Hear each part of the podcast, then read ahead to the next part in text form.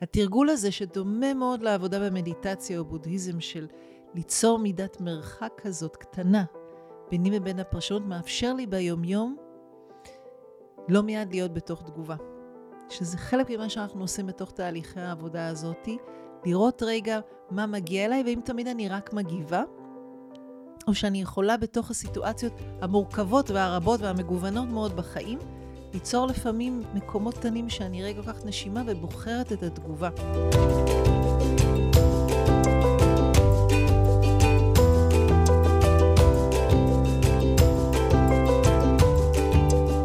שלום, אני אילנית אדמו"ר, וזה פרק נוסף ב"זה מתחיל בתנועה". הפעם נתעסק בנושא של התבוננות, our point of view, ובעצם איך אנחנו מתרגלים בתוך הטכניקה הזאת שנקראת אימפרוביזציה בתנועה, את המבט שלנו. סדרה ארוכה של מלא מלא תרגילים שאני מאוד מאוד אוהבת, שבעצם מטרתם רגע להתעסק בכמה נקודות בתוך ההתבוננות. פעם אחת אנחנו באמת עובדים הרבה פעמים בעיניים פתוחות או עצומות. הרבה פעמים לעצום עיניים עוזר לנו רגע להתחבר פנימה ולהתנתק רגע מההשוואה שכל הזמן קורית באופן טבעי לכולנו כיצורים חברתיים. אז רגע, אני עוצמת עיניים כדי להקשיב ומשהו נפתח בהתבוננות הפנימית שלי לתוך הגוף.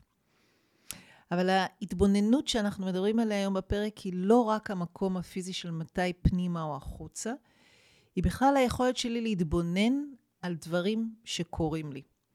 זאת אומרת, ההתבוננות שלי היא גם במחשבות שעוברות בי תוך כדי שאני מתגלגלת על הרצפה, או זזה בתוך המרחב, או רוקדת עם פרטנר. המקום הזה שמדבר על להתנתק מתוך מחשבה ורצון להיות רק בגוף, הוא, הוא מקום נפלא להתכוונן אליו. אבל למעשה בתוך הטכניקה הזאת של אימפרוביזציה בתנועה, אני אומרת בואו נתיידד עם המחשבות. זה לא באמת להתנתק ורק להיות באיזה פלואו, למרות שיש רגעים כאלו, אבל כשכן עוברת לנו מחשבה, מכל סוג שהיא, בין אם היא רגע לא נוח לי, או בין אם זה רגע שאלה על מה עושים, או בין אם זה האם אני בסדר עם הפרטנר כן או לא, איך אני חוזרת חזרה אל הגוף זה דבר אחד, אבל גם יכולת שלי להתבונן על המחשבות ולהתחיל לראות מה המחשבות שבעצם מחברות ועוזרות לי, ואיזה מחשבות לרגע יוצרות הפרדה. ובתוך זה המקום של להסתכל על הפילטרים הרבים שיש לנו, לכולנו, מתוך איך שגדלנו והתרבות שאנחנו נמצאים, הסביבה שבה אנחנו חיים בה, השפה שבה מעצבת את איך שאנחנו מסתכלים. זאת אומרת, לזכור כל הזמן שיש לנו הרבה מאוד פילטרים על עצם המבט שלנו. אחד המשפטים שאני אה, לא זוכרת כרגע מי אמר, אבל מצטט את זה, שהאם בכלל אנחנו יודעים לראות. בעצם בכלל היכולת שלנו לראות מציאות היא הרי זה ידוע שברגע שאני מחפשת לקנות איזשהו רכב, זה מה שאני רואה, רק את הסוג רכב שאני מחפשת, או אם מישהי בהיריון, נדמה שכולם בהיריון מסביב. זאת אומרת, מה שמעסיק אותי משפיע על מה אני קולטת בכלל מסביב. וזה דבר נוסף שאנחנו מתרגלים בתוך האימפרוביזציה, בדיוק כמו שעושים במיינדפולנס או בבודהיזם, שזה פרקטיקה שאני כל החיים מתרגלת במקביל לאימפרוביזציה, אבל יש הרבה נקודות חיבור. זה בעצם רגע ליצור מרווח לשברירי שנייה, קטנטן כזה, בין מה אני קולטת לבין רגע הפרשנות שלי על הדבר.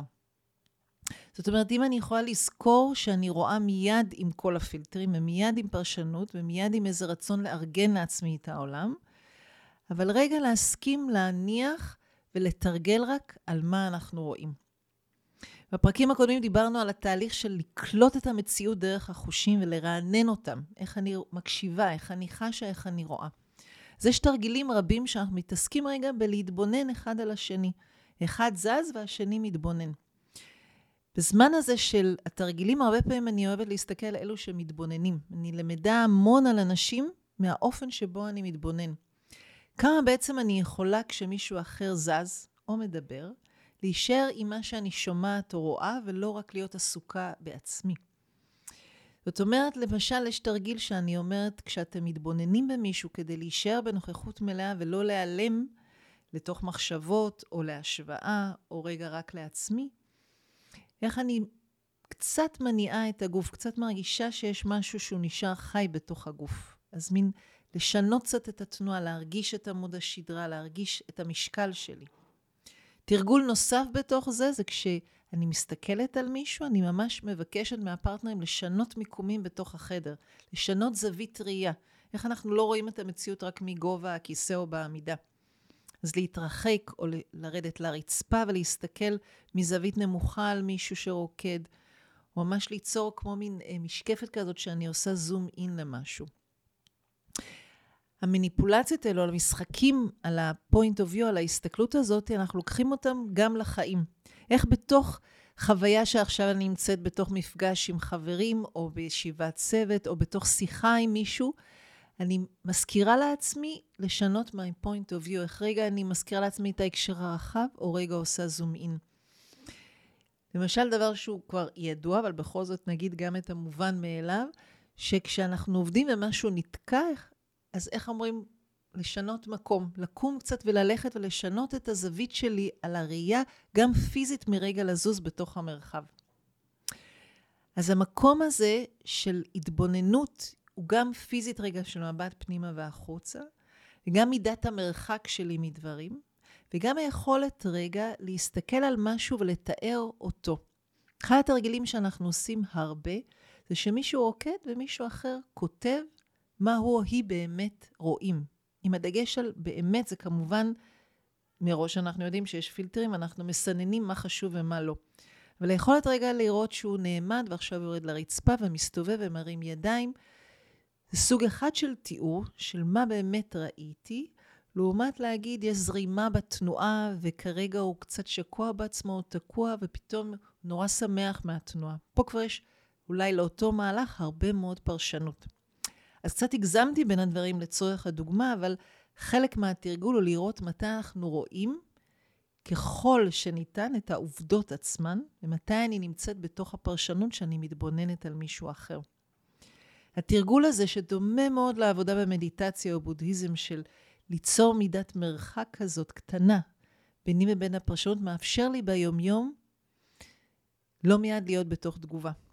שזה חלק ממה שאנחנו עושים בתוך תהליכי העבודה הזאתי, לראות רגע מה מגיע אליי, ואם תמיד אני רק מגיבה, או שאני יכולה בתוך הסיטואציות המורכבות והרבות והמגוונות מאוד בחיים, ליצור לפעמים מקומות קטנים שאני רגע לוקחת נשימה ובוחרת את התגובה. כי בחירות זה אחד הדברים המרכזיים שאנחנו מתרגלים בתוך העבודה של האימפרוביזציה. איך אני בוחרת לא רק מהראש, לא רק מהרגש, לפעמים מפה, לפעמים מפה, לפעמים מתוך איזושהי חוויה ואינטואיציה, אבל איך אני נמצאת בערנות ונוכחות בתוך הבחירות. אז אחד הדברים שאני אוהבת להציע לתלמידים בהשראת ג'ורג' פרק, שהוא אה, פילוסוף צרפתי, שכתב ספר מקסים שנקרא חלל וכו'. וברוב בתוך הקורסים אני מבקשת מאנשים לקחת זמן לשבת בבית קפה, בחוץ, ולהתבונן רגע על פיסת חיים כפי שהוא מתאר. אני אסיים את הפרק עם ציטוט כזה על תרגיל שהתלמידים מתבקשים לעשות, לכתוב פיסת מציאות, איך הם רואים את הרחוב. אני מקריאה. להתבונן ברחוב ולהתמסר לתרגיל, להתפנות לזה. לכתוב שעה, תאריך, מזג אוויר ולרשום את מה שרואים, את המתרחש והראוי לציון. האם אנחנו יודעים לראות את הראוי לציון? האם משהו בכלל מדהים אותנו? דבר אינו מדהים אותנו, אנחנו לא יודעים לראות.